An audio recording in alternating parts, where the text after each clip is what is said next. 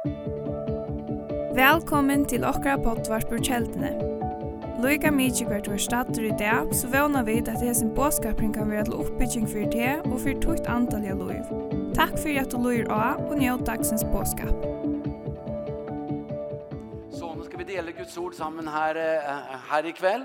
Og jeg skal dele et budskap med dere som har å gjøre med denne kvelden.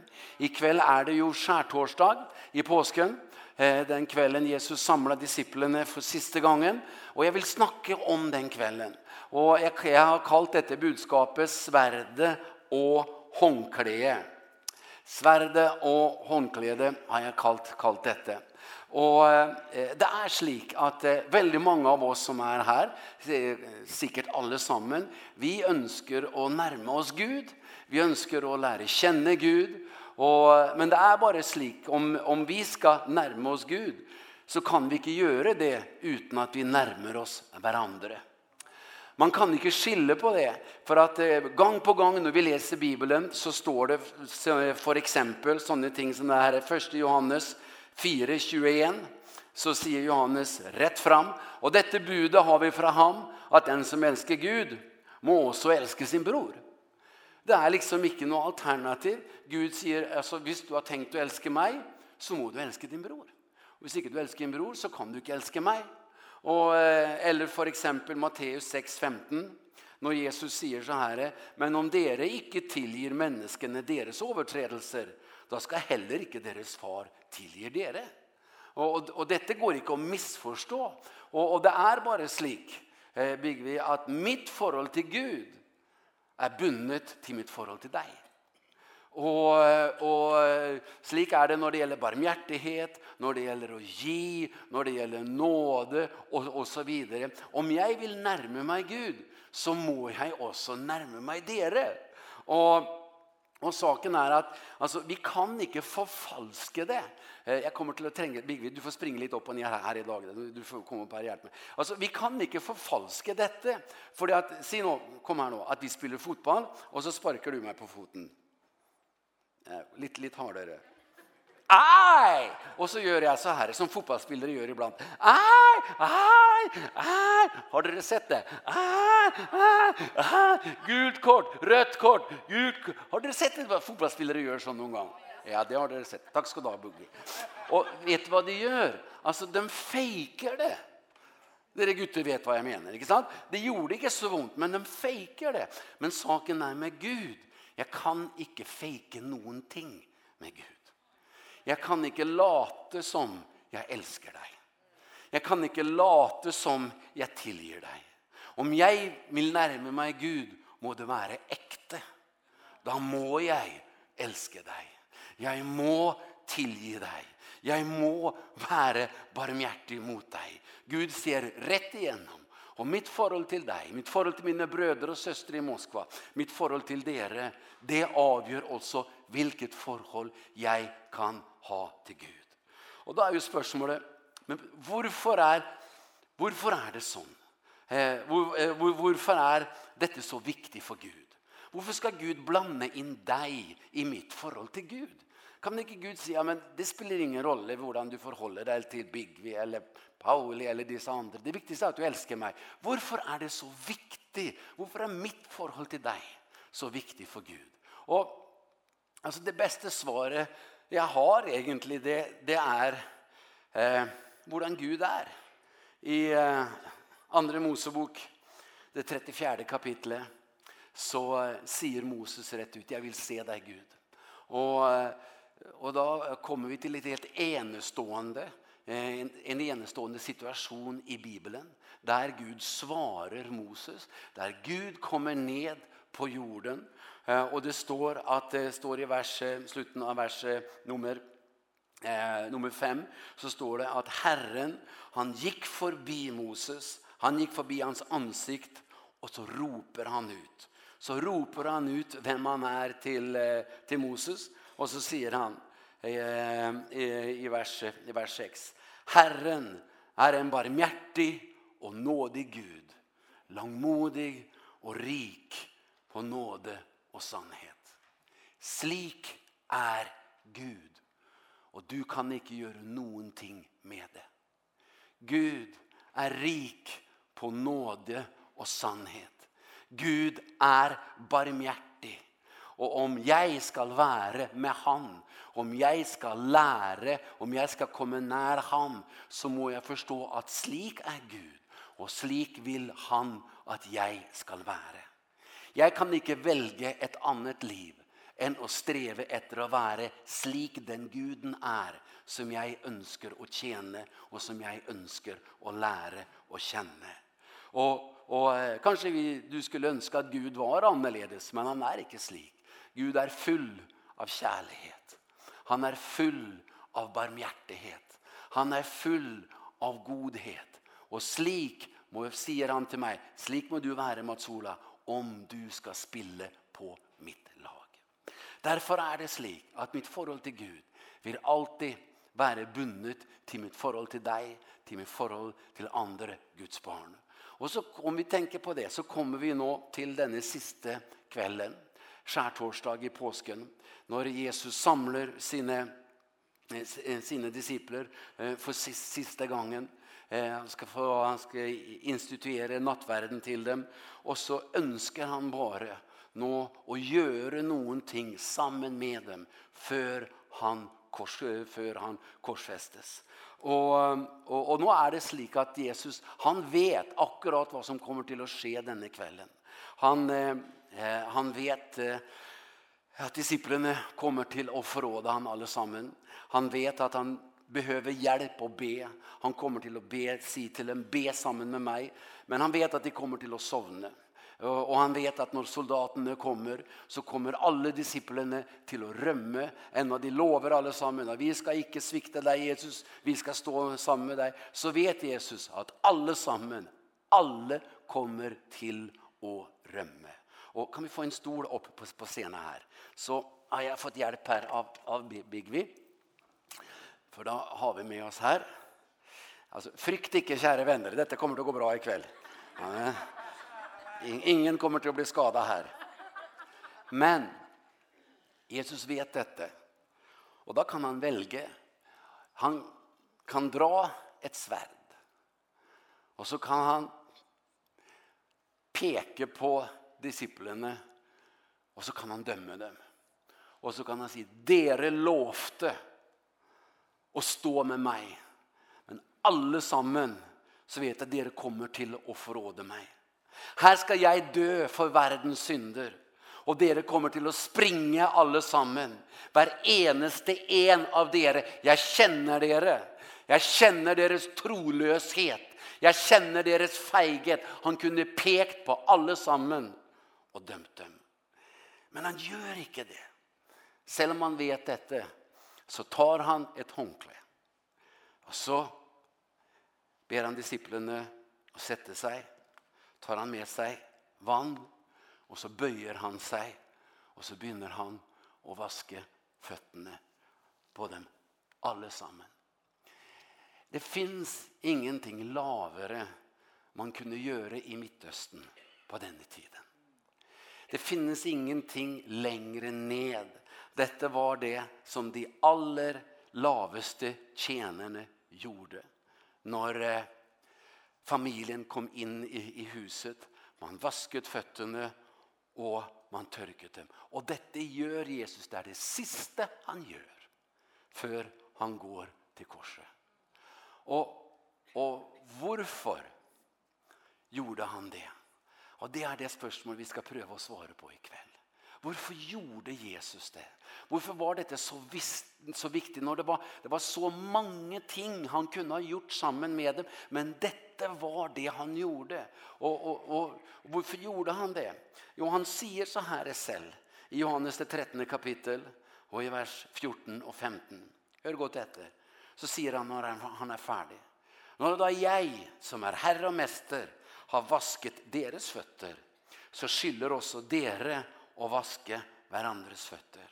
For jeg har gitt dere et forbilde for at også dere skal gjøre slik som jeg har gjort mot dere. Det siste han gjør er at han setter en standard for sin menighet. Slik er vi. Det er mitt rike. Om du skal være i mitt rike, så er det slik vi skal være mot, mot hverandre. Og dette er like aktuelt i dag som det har vært gjennom hele historien. Matsola, om du er en kristen, sier du, du er med i en menighet. Og da er, finnes det en leksjon som Jesus må lære deg, som han må lære alle kristne. Det å vaske hverandres føtter. Ikke fysisk, för att idag idag har vi skor och så så vi behöver inte det på på den måten. Men på de måtene som jag kan och lära mig å vara en tjänare i menigheten och vara en tjänare för tjener för dig. Det var det sista Jesus gjorde och han sa: "Nu har jag vist er. Detta är min menighet. Detta är mitt detta är mitt, mitt rike." Och så går han derfra till korset. Och vet du vad? Jag vill vara som Jesus.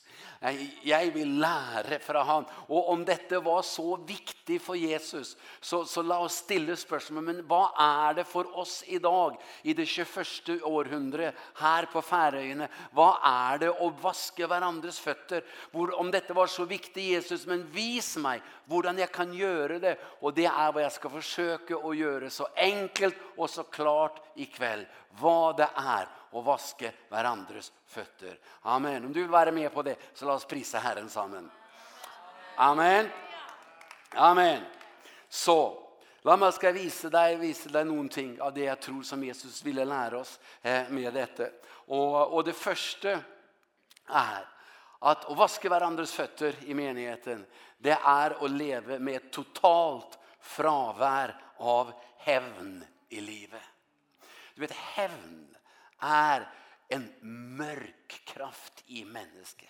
Eh, det är någonting som kan vara till stede i alla forhold, i alle ekteskap, mellan generationerna, i, i en menighet också, att man önskar å ta igen. Att det var någon som gjorde någonting mot mig, han sa någonting om mig. Och, och, alltså, det är en fryktelig destruktiv kraft som kommer rätt från mörket. Du ser det i de første menneskene, ser det i Kain, når, når de bærer fram hvert sitt offer, han og broren Abel. Og så, øh, og så ser Kain at, øh, at Abel han får, får en velsignelse fra Gud som han ikke fikk, fikk. Og med en gang så tenker han, sånn skal det ikke være. Der begynte menneskeheten. Og Kain tar hevn på sin bror. Han slår han ihjel fordi han er han ønsker å hevne seg på sin bror, som han opplevde da gjorde noen ting som kanskje fikk han i lyset mer, eh, mer enn Kain. Og når, i det, i gamle testamentet så står det eh, väldigt klart om man ikke, så att man ikke ska man ska inte drepe varandra, man ska inte slå ihjäl varandra och och då handlar det väldigt mycket om fysiska handlingar. Men Jesus tar detta i sin undervisning och så bringer han det in i menneskets hjerter. Han snakker om å ha imot hverandre, om å forakte hverandre, om å snakke ille om hverandre. Matteus 5,44, så, så sier Jesus, Men jeg sier dere, elsk deres fiender, velsign dem som forbanner dere, gjør vel mot dem som hater dere, og be for dem som forfølger dere. Och nu tänker du kanske, ja men Mats Ola, jag har inte noen många fiender och, och jag vet inte om det är någon som hatar mig. Men, men det har vi allesammans. Vi är alla i stora eller, eller mindre konflikter. Det, er alltid, kan alltid være sånn at det er noen som, som du kjenner liksom at du har noen ting imot, eller at det skjedd noen ting i en menighet, og da er det du skal huske på hva Jesus sa. Da är det detta blir en verklighet. I eh alltså var en en en dame som en menighet som hade picknick eh och så skulle ut i solen och och spise och och grilla och så var det en dame i menigheten som inte blev inviterad på picknicken.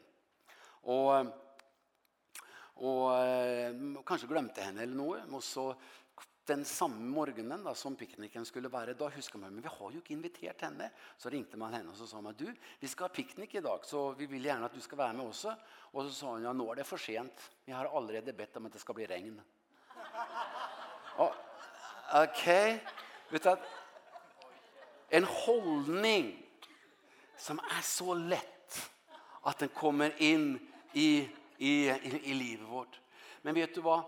Jeg er i et rike der Gud har lovt å hånd om alle ting.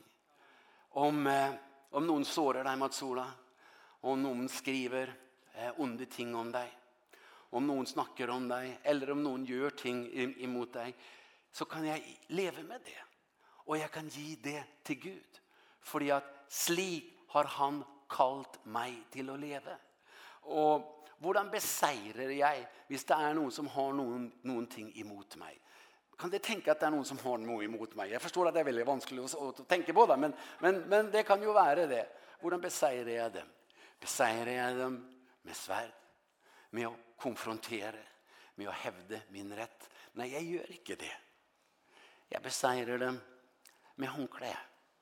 Med å betjene dem. Med å være god mot dem med å vise den samme barmhjertighet som Gud har vist meg. Det er den familjen och det är det rike som jag som jag tillhör. Jag upplevde något när jag var ungdomspastor i Norge för många år sedan som kom till att förändra livet mitt. Eh det var eh, min pappa. Eh min pappa är han han är hos Jesus i himmelen nu. Eh pappa han var en ganska kjent mann. Han var norsk mester i, på ski når han, når han var ung. Og han ble frelst og ble en, pre, en, en predikant. Og når jeg var ungdomspastor, så, så var han alltid den som heia på meg. Og uh, vi hadde et veldig godt forhold. Men så skjedde det noen ting som, der vi var veldig uenige. Vi snakket sammen på, uh, på telefon. Og, og vi la på i vrede begge to. Och, och saken är att jag visste att jag hade rätt. Kan få ett amen här nu, okej? Okay? Alltså jag visste att jag hade rätt. Och, och så jag bara väntade på en anledning vad jag kunde, kunde säga det till pappa. För att eh, eh, alltså, jag var ju pastor och han var bara en medlem. Ikke sant? Pastoren har alltid rätt. Får jag få ett amen på första raden här? Ja, pastoren har alltid rätt. Så, så, och så skulle vi mötes om ett par, ett par dagar efter på hemma hos min syster. Eh, hon inviterade oss alla samman till, till middag och, och jag kom först. Eh, och jag vet akkurat, jag kan visa dig hur jag stod i min systers köken. Jag stod lite längre in i köket och jag väntade på min pappa. Och jag hade alla argumenten klara. Jag skulle ha en, två, tre, fyra. Och så kommer pappa in in dörren. Han säger ingenting.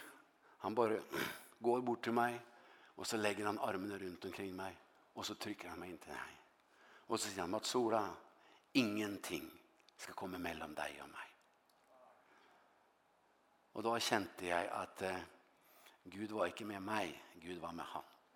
Amen. Vi pratar aldrig mer om det som hade skett. Men vet du vad han gjorde? Han tog konkläge. Och det förändrade livet mitt. Jag glömmer det aldrig. Jag tänkte, sån vill jag vara. Sån vill jag leva mitt liv.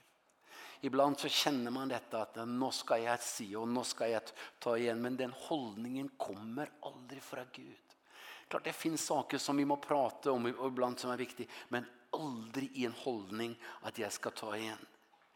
Jesus vaska Peters fötter. Och det kom till att präga han resten av livet. Peter kunde ha brukt svärdet många gånger.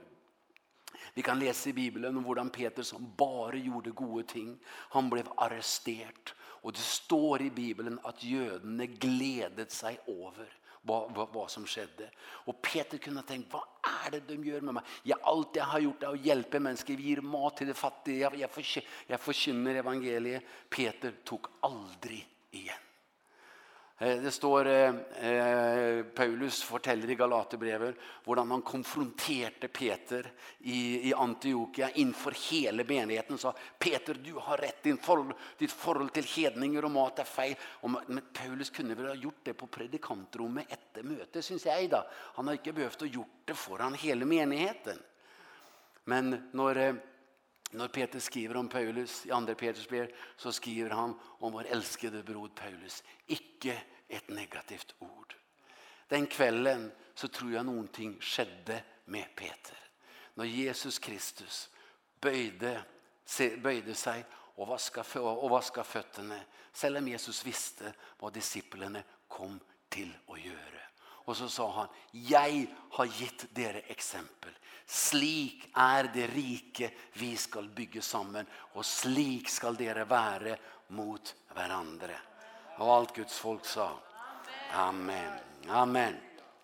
Så det er en ting. En annen ting er Eh, at vi er alle på ett nivå. Du kan tjene alle mennesker. För att det är så speciellt, det är en ting, spesiell ting med denne, denne historien. Att Jesus kom till att konfrontera Judas denne kvällen. Och Judas kom till att forlate dem och ut, ut för att hämta soldaterna till de arresterade Jesus. Men för Jesus konfronterade Judas så vaskade han fötterna hans också. Och det är slik att det finns ingen som du ikke kan tjene. Med Jesus så kommer alle mennesker ned på ett nivå. Och vet du vad? Jag är fri. Jag är fri från alla kontroverser. Det finns inget människa här i världen som jag ikke kan tjene. Det finns ingen som jag inte kan som jag inte kan vara god mot. Det finns ingen som jag inte kan älska. Det finns ingen som jag inte kan göra någonting för. Jesus kan sätta oss fri på den här måten. Det spelar ingen roll vem som står föran mig. Om det så är Judas så kan jag vaska hans fötter också. Och den friheten, alltså att träcka pusten och känna jag har inte noe emot någon Den friheten er det bare Jesus som kan gi et menneske. Och den friheten är det som ska råde i en menighet. I en världen där det blir mer och mer konflikter. Där det blir mer och mer, mer, mer avstånd. Så finns det ett rike. Guds rike finns i, i den här världen. Och det finns att till och med, till och med Judas, han var där. Och till och med hans fötter var, fötter var vasket Jesus. Och den friheten är det som han vill ge till sin menighet också. Amen. Och så har vi då alltså det tredje, själva handlingen.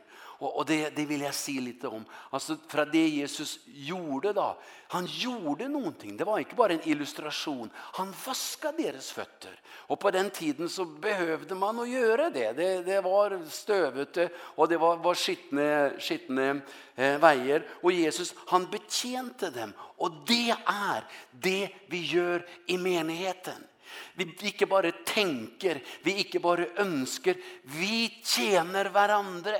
Det står här på väggen och bygge Guds rike. Hvordan bygger vi Guds rike? Vi bygger ett Guds, Guds vi bygger Guds rike när vi alla sammen blir tjänare och säger jag vill hjälpa till. Jag vill göra något här. Jag vill vara aktiv i menigheten. Jag vill inte bara ha en hög bekännelse. Jag vill inte bara ha vackra ord. Här är jag och det spelar ingen roll vem jag är. Det spelar ingen roll hur hög jag är eller hur duktig jag är eller hvor pen jeg er som, som min hustru er. Det spiller ingen rolle om Jesus kunne vaske disiplenes føtter, mine føtter, så vil jeg også gjøre noe, være med og tjene i, tjene i, i, i menigheten.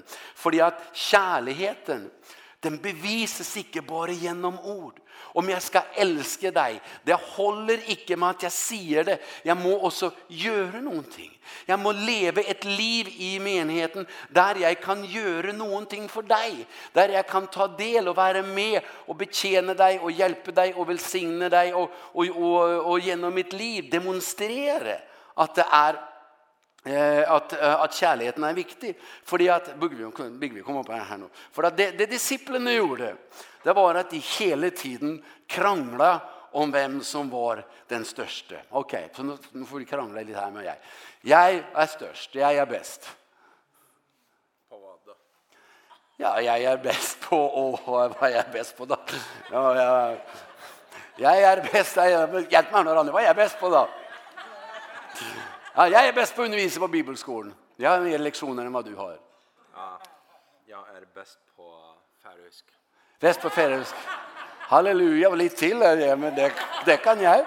Och jag vet, alltså disciplerna, de, de, de kranglade om vem som var störst. Och vad, och vad var argumenten? Jo, jag kan det. Jag upplevde det. Jag var för den och jag talte. Och Jesus sa, Nei, det er ikke. Den største er den som tjener. Amen. Amen. Takk skal du ha. Amen. Det er den største. Det er ikke hva du kan vise meg. Hva du kan legge ut på dine sosiale nettverk. Eller hva du kan skrive om. Den største er den som tjener. Och det är det vi lärer i menigheten. Vi bygger Guds rike. Vi kommer in, vi kommer in, in, in i menigheten. Och, och, och vär den som tjänar.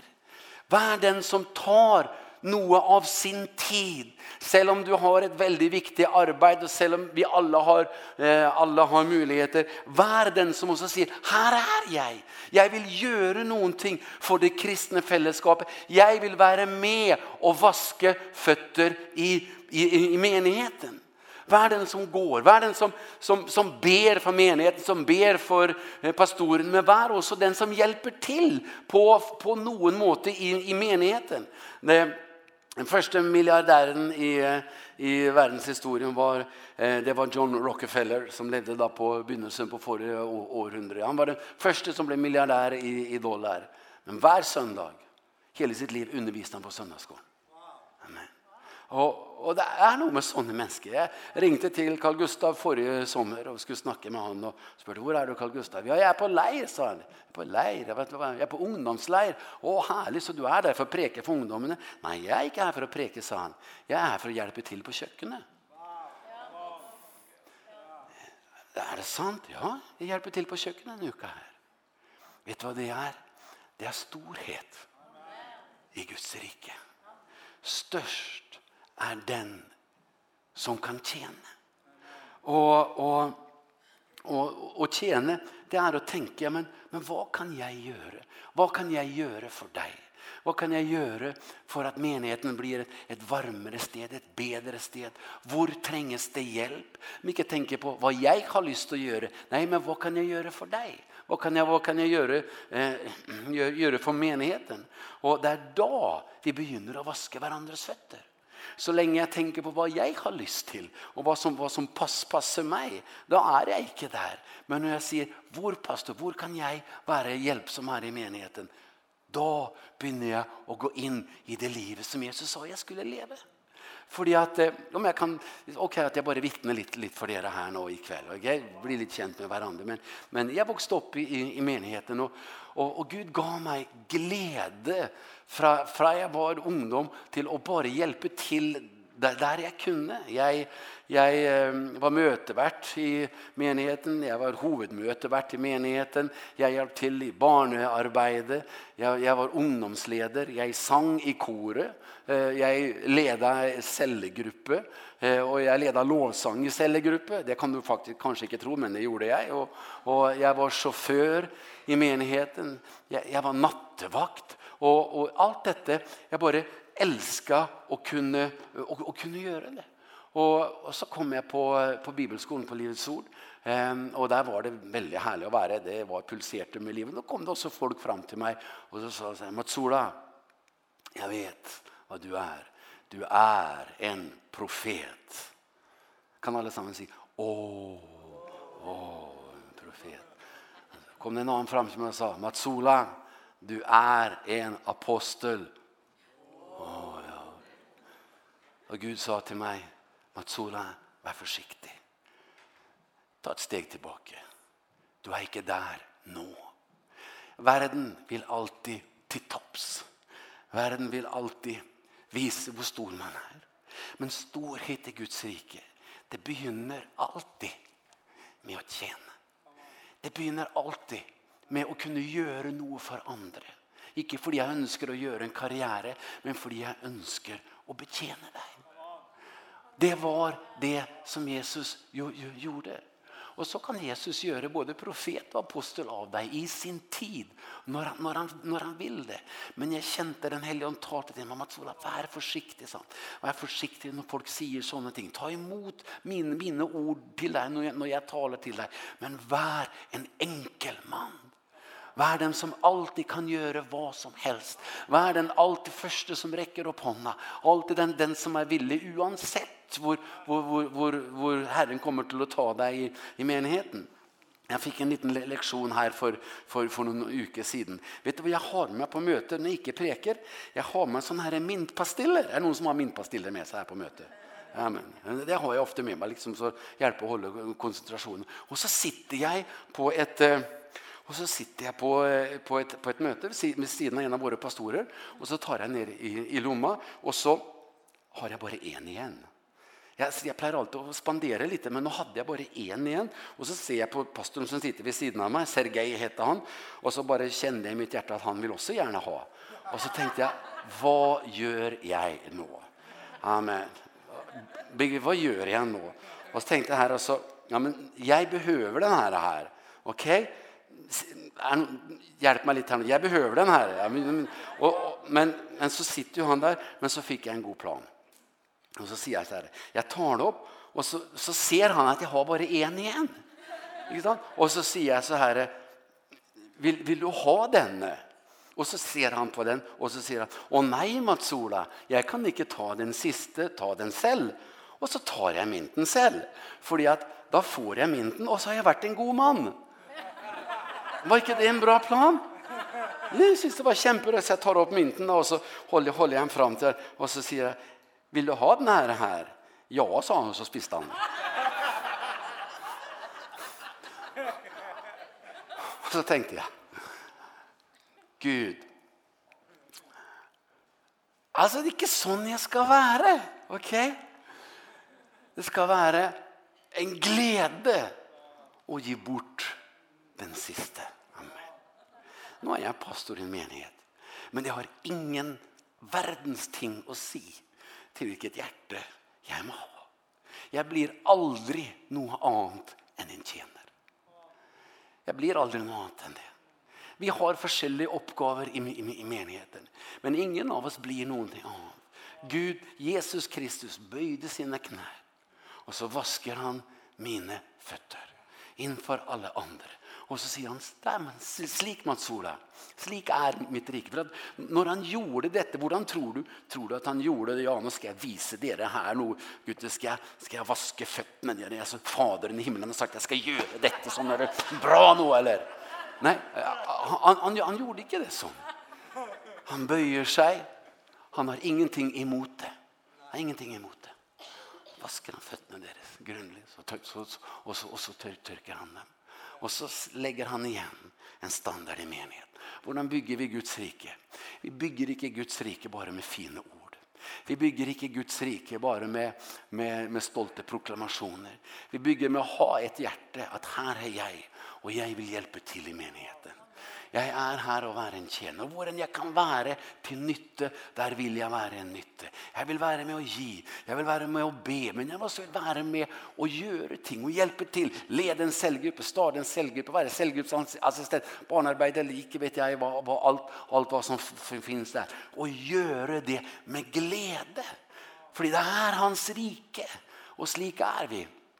Det är det som får menigheten till att växa det er som får menigheter till att bli sterke. Amen. Amen.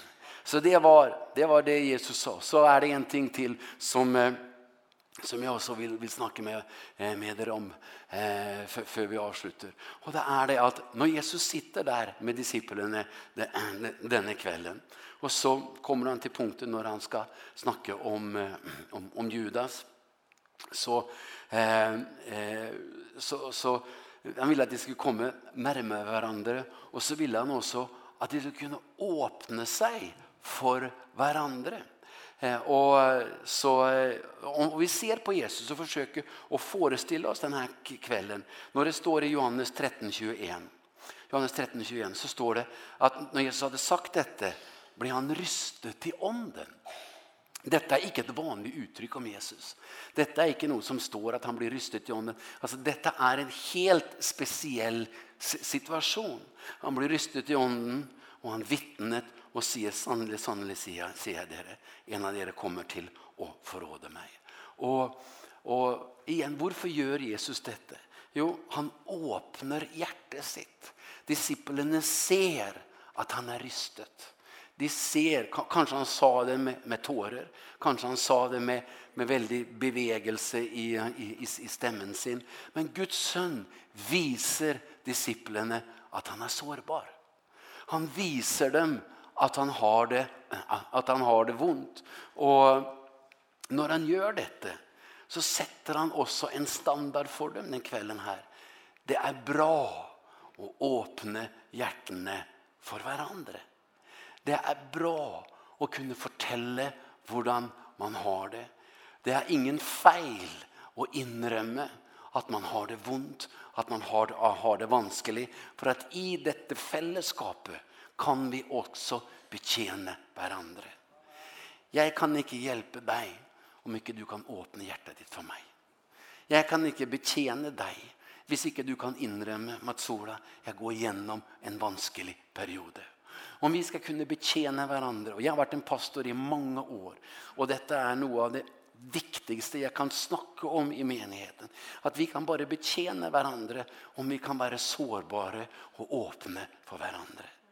Vi män har det ibland så liksom vi ska inte snacka med någon och vi ska hålla igen. Och jag har så många gånger sett äktenskap gå i, gå i stycker och jag vet att om man bara hade sagt från begynnelsen vi har det vanskelig, kunde äktenskapet ha blivit rädda. Vi vet att människor som har kanske kommit i, i väldigt vanskliga situationer kommit bort från Gud och man bara kunde sagt jag, jag kämpar mot mörke i livet mitt och jag tränger en bror jag tränger någon att stå samman med så kunde man ha kommit igenom Men om vi ska betjäna varandra, om vi ska vaska varandras fötter, så må vi också kunna lära av Jesus att till och med han, han har rystet i onden, står det, och han fortäller om vad som är vanskligt för han. I menigheten så må vi lära oss att glädje, glädje oss och sörge samman. Vi er en familie. Og iblant så må vi arbeide med oss selv for å åpne opp bondene mellom, me, mellom oss. I Johannes, nei, unnskyld, i Jakob 5 og 16 står det et, et bemerkelsesverdig ord i Bibelen. Jakob 5, 16. Bekjenn derfor dere syndere for hverandre og be for hverandre. Amen. Og så fortsetter han for at dere kan bli helbredet. Men vad har det med varandra att göra? Om jag bekänner mina vanskeligheter och mina synder för, det, för dig. Vad har det att göra med att Gud kan helbreda, helbreda mig?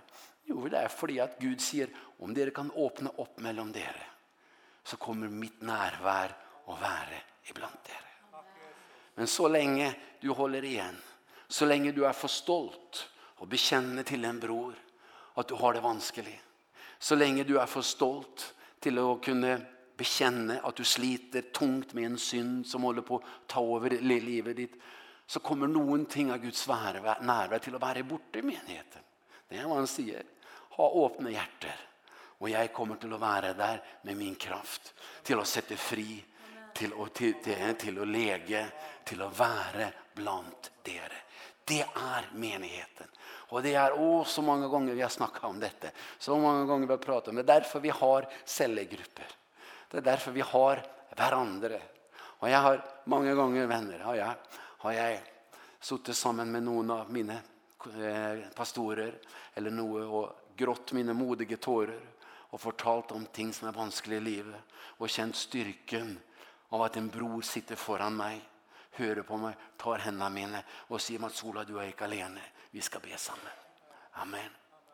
Ingen av oss blir for viktige i menigheten eller för viktiga i samfunnet att inte vi behöver en bror och en syster att inte vi behöver det det det kristne det kristne fällskapet för att det för att i den här historien kan kanske någon komma upp och, och ta piano här då ska vi eftervart liksom bara gå in i i i ett ett möte här att att i i den här situationen så be, så i den här sista kvällen, skärtorsdagskvällen, så bekräftar också Jesus sin kärlighet till till disciplerna. Han säger det i vers 34 att de ska älska varandra som jag har älskat dere. Och och han fortäller dem virkelig att jag har älskat dere. Jag älskar dere. Och och han säger detta igen väl vitende om vad de kommer till att göra. Han säger det till till Peter än han vet vad som vad vad som kommer till att ske. Om vi ser lite längre i kapitlet så så säger Peter i vers 37 Han sier, Herre, eh, hvorfor kan ikke jeg følge deg nå? Jeg vil sette mitt liv til for deg. Vers 38, så svarer Jesus, vil du sette ditt liv til for meg? Sannelig, sannelig, jeg sier det. Han skal ikke gale, for du fornekter meg tre ganger. Og Peter, han lover. Han lover om alle forlater deg, Jesus. Skal ikke jeg, skal ikke jeg forlate deg? Men Jesus, han vet. Peter, Peter, ro deg ned. Det er ikke bare at du skal forlate meg, du skal fornekte meg. Og ikke bare en gang, du skal fornekte meg tre ganger, Peter. Og du skal gjøre det så fort så hanen rekker ikke å gale en gang. Før du har fornektet meg tre ganger. Jesus vet dette. Han sier han elsker han. Vet du hva? Du kan vite om svakhetene i din brors liv, og du kan fortsatt elske han. Det er menigheten. Amen. Ikke vær redd om du forteller meg om din svakhet. Ikke vær redd om du forteller meg om ting som er vanskelig. Jeg kan elske deg allikevel. Fordi slik er riket.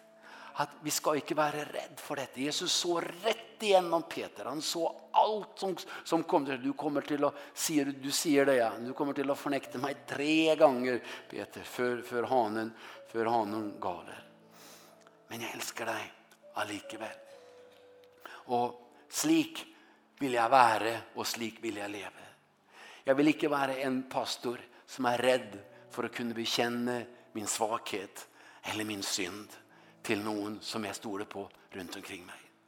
Og jeg vil ikke være en pastor som kjenner til svakheter til andre mennesker, og derfor holder jeg dem på avstand. Nei. Jeg vil være en pastor som uansett vilka svagheter jag vet om i ditt liv så älskar jag dig allikevel. För vi är ingenting annat än syndare som har fått tillgivelse. Och den friheten i våra relationer, den tryggheten på varandra, det skapar det skapar menigheten. Då kan vi också betjäna varandra. Då kan vi hjelpe hverandre gjennom vanskelige situasjoner. Da kan vi hjelpe familier gjennom vanskelige situasjoner. Kan vi hjelpe oss gjennom perioder der synd tar for overtaket på oss. Det kan vi hjelpe oss gjennom når mørker forsøker bare å, å ta all livsglede fra oss. Vi har hverandre, og vi er skapt til å tjene hverandre, til å betjene hverandre. Men da må vi også lære oss fra denne kvelden. Lære oss om Jesus, som kan fortelle om, sin, om sin, sine vanskeligheter, om sin smerte, om hvordan han er rystet i ånden. Og Jesus som kan kjenne til alle syndene til disiplene og allikevel si, jeg elsker dere, og jeg kommer til å være med dere. Der har du menigheten. Og det var hva Jesus gjorde. Han tok ikke sverdet og anklaget dem. Han tok håndkleet och betjänte dem. Och med det så med det så, så visste han att det finns ingen hävn i mitt rike. Det finns ingenting som behöver att ta igen när någon har såret mig. Han visste att vi kan tjäna alla människor. Vi är fri, fri till att tjäna vem som helst i denna världen. Till och med Judas fötter kunne Jesus vaske. Og vi er fri til å tjene, ikke bare å si gode ting, men Jesus gjorde noen ting. Og det er bare det er å vaske, og delta, ta ansvar i menigheten, hjelpe til på den måten jeg kan, og gjøre det med glede. Og vi er fri til å komme nærme hverandre, til å kunne bekjenne smerte, være åpen, elske hverandre allikevel. Da kan vi vaske hverandres føtter, og da blir vi menigheten. Det var hva Jesus gjorde. og så sa han amen. og så gikk han til korset alene. Og så overlot han til disiplene hvordan de nå ville leve sine liv. Og så fikk de velge sverde eller håndkle. Och slik väljer vi alla sammen. Jesus gjorde det så klart hur han så för sig menigheten. Men vi väljer. Vi kan hela tiden tendera mot svärde, ta igen, engagera oss på ett, på ett, på ett minimum och välja hålla ting för oss själva. Eller vi kan lära den här kvällen. Han sa, om jag har gjort detta mot dere, Om jag kan betjäna er välvitna om vad det kommer att göra med mig så ska det göra det mot varandra. Och det är sånn att vi är jo i slike situationer ganska ofta hvor vi egentlig velger hvordan vi reagerer. Men hver gang, hver gang du velger håndkleet, så skjer det noe med deg. Hver gang du ikke tar hevn, men hver gang du er en tjener, hver gang du kan elske den som ikke fortjener det, hver gang du kan åpne ditt eget hjerte i menigheten. Når du velger håndklär så sker det någonting med dig. Och du förändras. Och jag ska vara lite ärlig med dig. Tror du att det var lätt för mig att förbereda det här budskapet? Jag vet väldigt gott om mine egna svakheter i livet. Och Det är aldrig lätt att tala om sånne ting. Men jag vet att Gud förändrar mig. Jag vet att han arbetar med mig. Jag vet att jag fortsatt kan välja håndklæde i stedet for sverdet. Och jag vet att jag kan växa. Att jag kan växa i kjærlighet. Kan växa i enkelhet. Kan växa i att tjäna människor så länge jag lever på jorden. Och jag vill följa Jesus. Jag vill säga si, ja Jesus. Jag vill göra, jag vill vara som du är. Jag vill lära av dig. Om jag har en sån hållning så finns det ingen gränser vad han kan göra med oss. Vad han kan göra i mig och genom mig. Vad han kan göra i menigheten. Och allt Guds folk sa. Amen. Amen.